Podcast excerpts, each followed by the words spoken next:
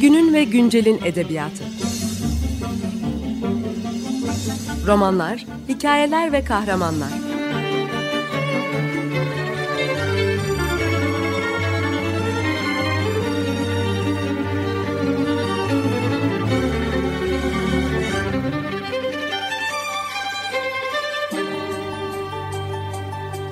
Hazırlayan ve sunan Seval Şahin.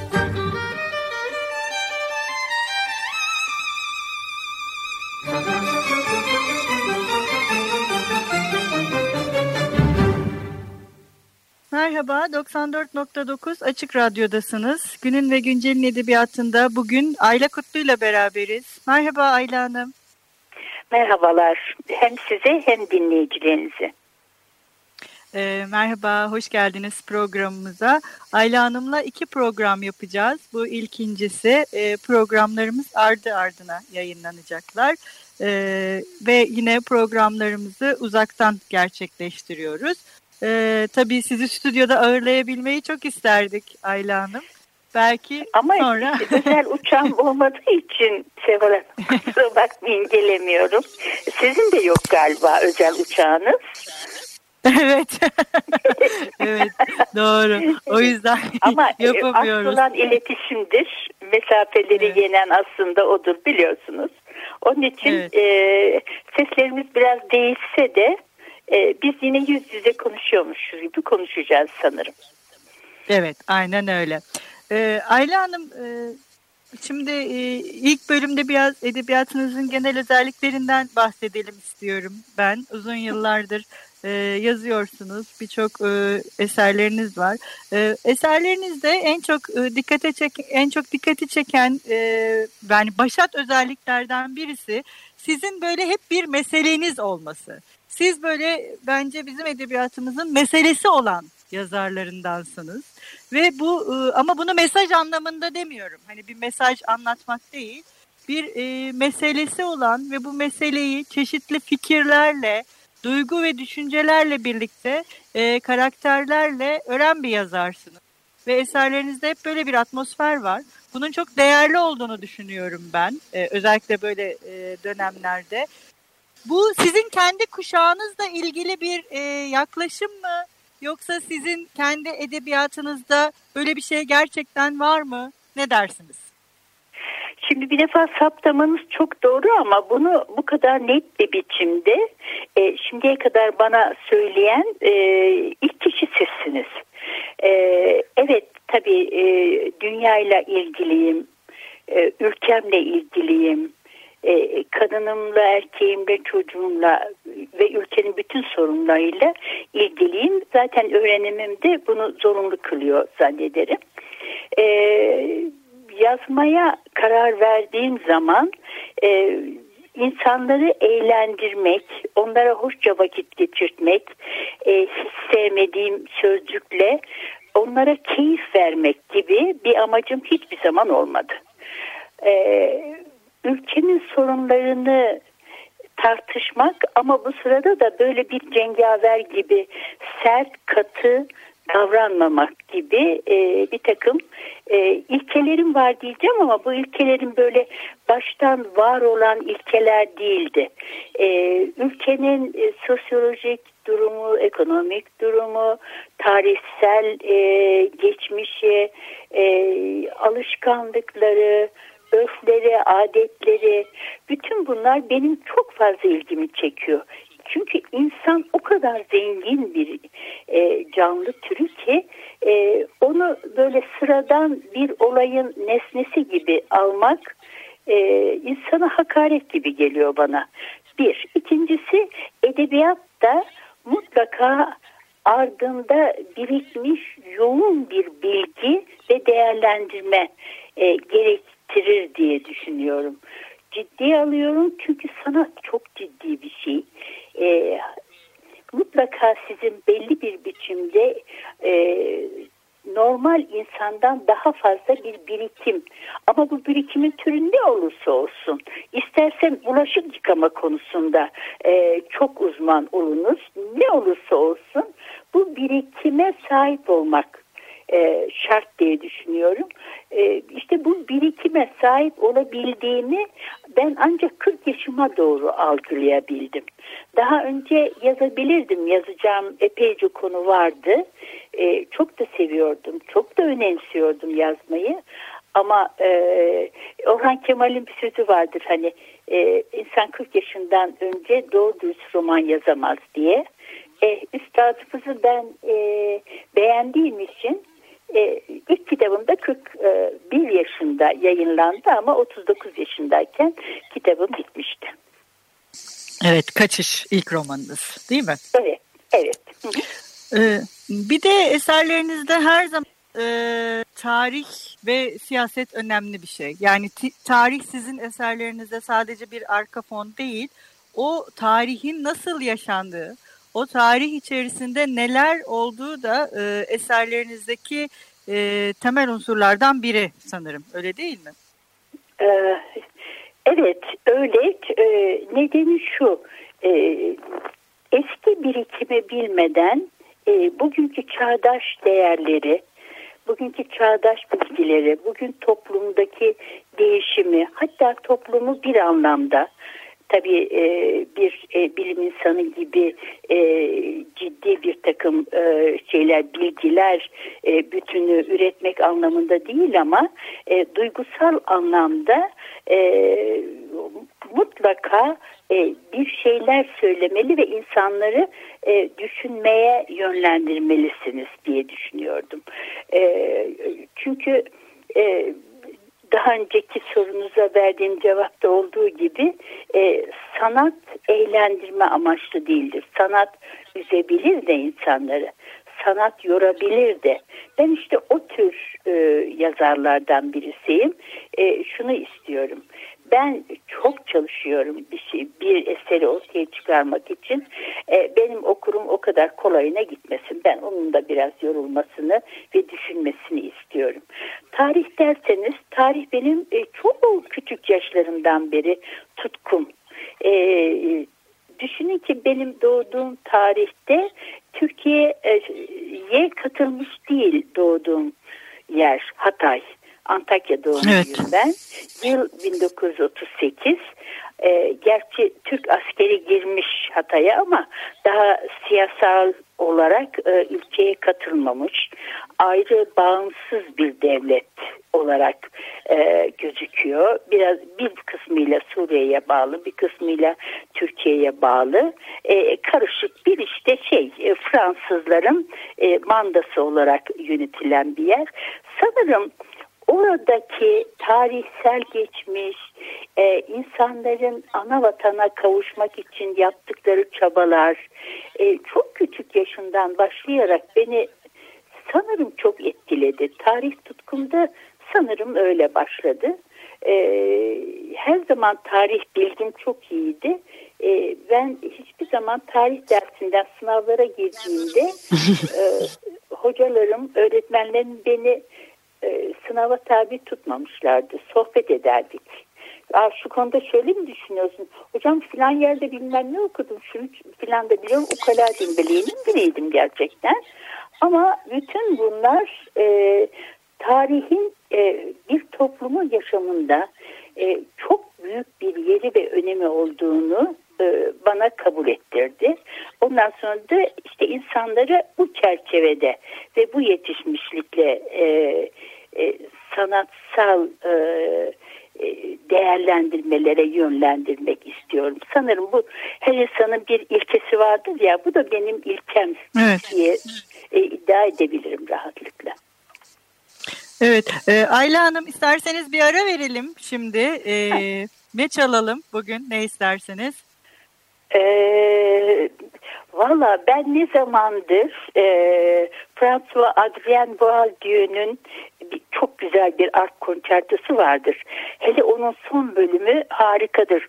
Ne kadar çalarsınız bilmiyorum. Şimdi şu anda bölümün kaç dakika olduğunu da bilmiyorum ama lütfeder e, e, dinleyicilerinizle e, beni bu müzikte birleştirirseniz doğrusu mutlu olurum. Tabii Merhaba tekrar 94.9 Açık Radyo'dasınız. Günün ve Güncel'in edebiyatında bugün Ayla Kutlu'yla e, birlikteyiz. Programımızın ilk bölümünde Ayla Kutlu'nun edebiyatında e, meselesi olan bir yazar olmak ve e, tarihin eserlerinde kullanımı üzerinde durmuştuk.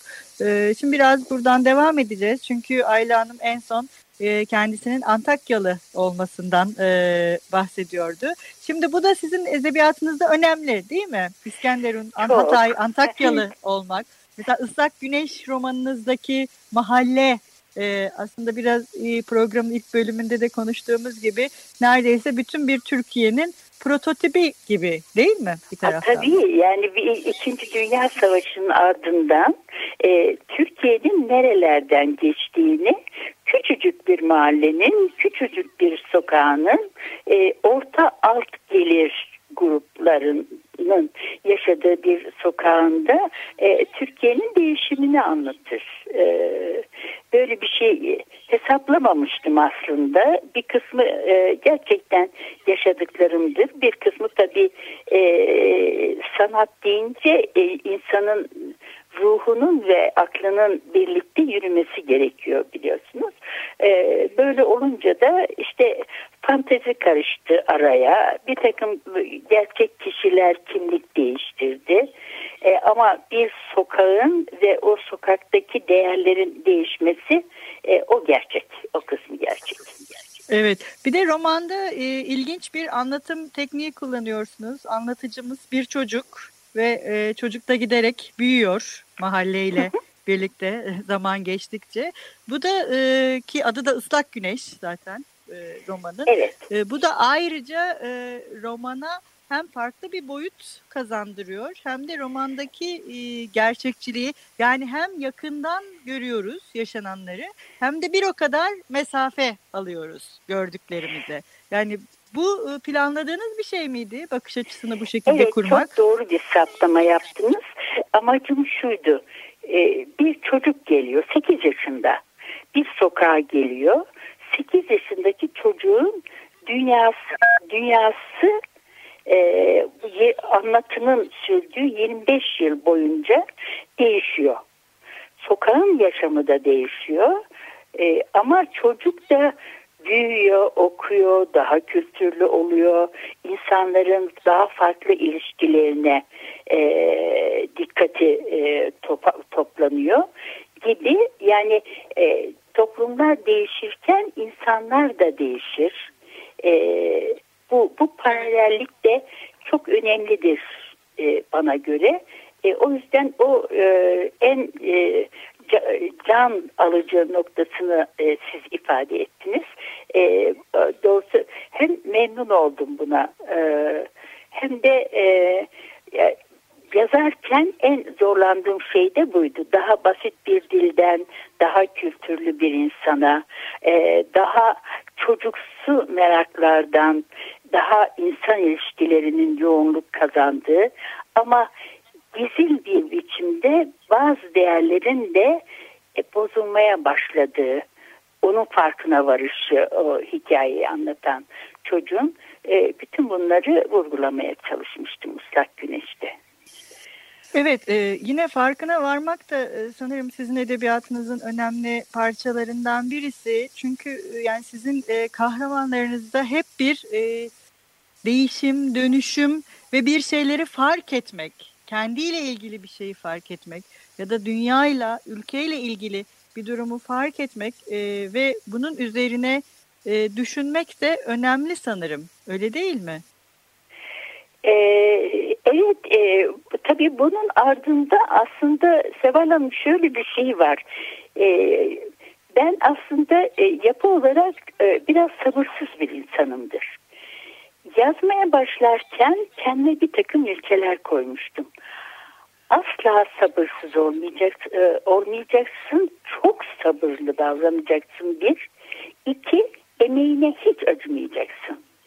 Bu ilk kitaplarda bir coşkulu bir sel gibi aktı. İlk iki kitapta Kaçış ve Islak Güneş'te. Ondan sonra işi biraz daha ciddiye almam gerektiğini ve daha çok emek vermen gerektiğini e, düşündüm. Yani sonuca vardım. ve ondan sonra her bir kitabın arkasında e, bazı okurlarım inanmıyorlar ama asgari 3 yıl bazılarında 5 yıllık üniversite eğitimi kadar ağır bir eğitimden geçirdim kendimi. Tarih okudum, sosyoloji okudum, psikoloji okudum. Ee, yani tekrar gözlemler yaptım, notlar aldım. Ee, bunlar e, bence bir yazarın yorgunluğu ile yani pardon şöyle diyelim kendini yorması ve mükemmeli araması, mükemmel yazıyorum anlamına almayın. Öyle bu kadar dümbelektikleri yapan bir insan değilim. Ama mükemmeli ararım doğrusu. Mükemmeli ararken e, okuluna ne kadar büyük saygı göstermesi gerektiğini de e, düşünüyordum. E, ağır oldu, zor oldu, bir boş çuval gibi her bir kitabın bittiğinde bir boş çuval gibi hissettim kendimi. Sanki iskeletim yoktu, kafam yoktu, gözüm yoktu ve ben bitmiştim. Hep de şöyle olur. Her kitabın bittiğinde Aile Kutu sen bittin artık bir daha bir şey yazamazsın derin. Sonra e, birden o boş çuval gibi yere yıkılan iskeleti bilmem nesi erimiş olan sen okudukça, düşündükçe, konuyu ayarladıkça, karakterleri oluştukça bir bakalım ki yeniden aile kutlu olmuşum. İşte e, yeni bir kitapta da yeniden boşalana kadar 4 yıl, 5 yıl onlarla uğraşırım. Ay, iyi okur bunu algılar ama Sever Hanım bu çok büyük bir evet. değil mi? Tabii doğru. Çok zor aynı zamanda. Yani söylediğiniz şey çok etkileyici. Kendinizi her seferinde yeniden boşaltmak bu e, çok e, trajik de bir süreç aslında bir taraftan. Tabii canım tabii. Göz görmüyor, kafa çalışmıyor. Adım atamıyorum, belimin ağrısından duramıyorum. Bütün bunlar maddi şeyler. Bir de öte yandan biriktirdiğiniz her şeyi boşaltmış oluyorsunuz. Ee, yazmadıklarınız da var. O benim okurumun böyle bir marifeti vardır. Hayranımdır o taraflarına. Biliyor musunuz Türkiye'de okulların iki özelliği vardır. Sevdikleri bir yazarı yazmadıklarının ardında kalanları da algılama güçleri olduğunu düşünüyorum bir. İkincisi de mesela eleştirmenler e, bir cümle düşük olsa düşük cümlelerle yazıyor derler. Oysa o dizgide olabilir. O gerçekte de olabilir. Yazar da düşürmüştür. E, yeterince o şey o fikrin üstünde demek ki yeterince özen göstermemiştir. Ama okur bunu algılar. Yanlış dizilen sözcüğün yazardan gelmediğini algılar ve doğru sözcük olarak okur onu. Bu bir şey e, sihridir galiba sanatın sihridir. Ve bütün sanatlarda ben bunun olabildiğini gerçekten e, anlayan okurun böyle akil bir insanı hani akıllı ve e, şey hoşgörülü e, bir insan olduğunu düşünüyorum. Doğru, çok haklısınız. Ee, Ayla Hanım ilk programımızın sonuna geldik. Ee, biz programımızın sonunda yazarlarımızın e, okurları ve dinleyicilerimiz için e, bir okuduğu bir bölümle veda ediyoruz. Siz bugün ne okumak istersiniz okurlarınız ve dinleyicileriniz Şimdi, için? E, Kadın Destanı adlı e, gerçek bir kadın için yazılmış ilk destan ve destan tarzında yazılmış. Yani şiirsel bir dille yazılmış kadın destanım var. E, bunun ardından o e, şeyinde e, gerçekte Gılgamış destanının e, tam tersine çevrilmesidir. O sırada tabii çok önemli e, karakterlerden birisi e, şeyde Suriye ve Suriye'dekini devamı olan Hatay'ın Amanos dağlarında e, Huvava ya da Humbaba adlı bir orman koruyucusunu öldürmeye karar verir Gılgamış. Destanda bu böyledir ve yanına o e, doğa şeysi e, doğada yaratılmış fakat çok güçlü ama kafaca yetersiz dostunu Engidu'yu da alır ve e, Huawei'yi öldürmeye giderler. Amaçları e, Amanoslardaki ve e, Amanoslardaki sedir ağaçlarını kesmek ve Gilgameş'in ülkesinin e, etrafını saran altı tane korunma duvarına bir yedincisini e, hiç ölmeyen ve çok sağlam olan sedir ağaçlarından bir yeni e, koruma duvarı yapmayı amaçlamaktadır. Ve e, destanda filan kötü olarak gösterilen, canavar olarak gösterilen e, orman koruyucusu Huava bana kalırsa yeryüzündeki ilk çevre koruyucusuydu. Ormanın öldürülmesine, yok edilmesine izin vermek istemiyordu. E, bu mantıktan e, küçücük bir destandır ama oradan e, bir kısım okumak istiyorum. Gılgamış e, toplamıştır, Enkidu'yu almıştır ve yok etmeye gelir. Bir canavar gibi gelir. Şimdi e, Huvava'da korumaya çalışır ormanları. E, o kısımdan yani ilk çevre Oradan bir destanından şu. Gırgamışlar evet, şey... her devirde yaşar. Kan ve acıyla kirletir dünyayı. Sedir ağaçlarını kesmeye gelenler baltalarını, o korkunç silahlarını kaldırıp indirmeye başladıklarında ağaçların ne çok yuva biriktirdiğini düşünmediler. Hiçbir önemi yoktu yorgun göçmen kuşların.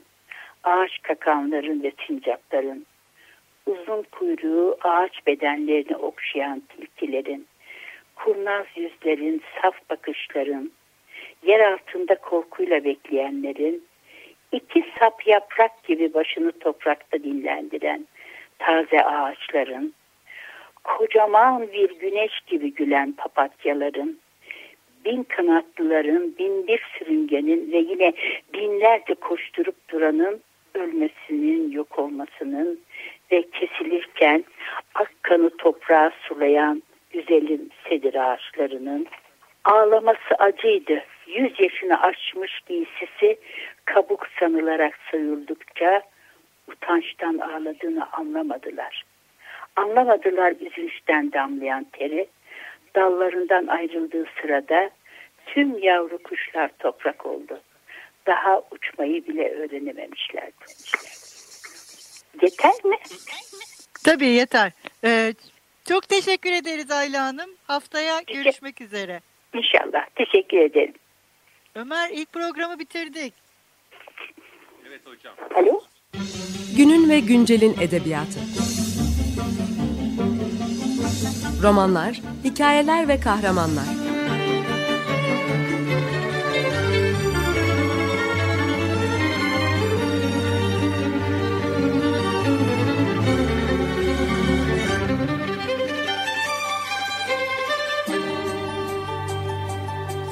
Hazırlayan ve sunan Seval Şahin.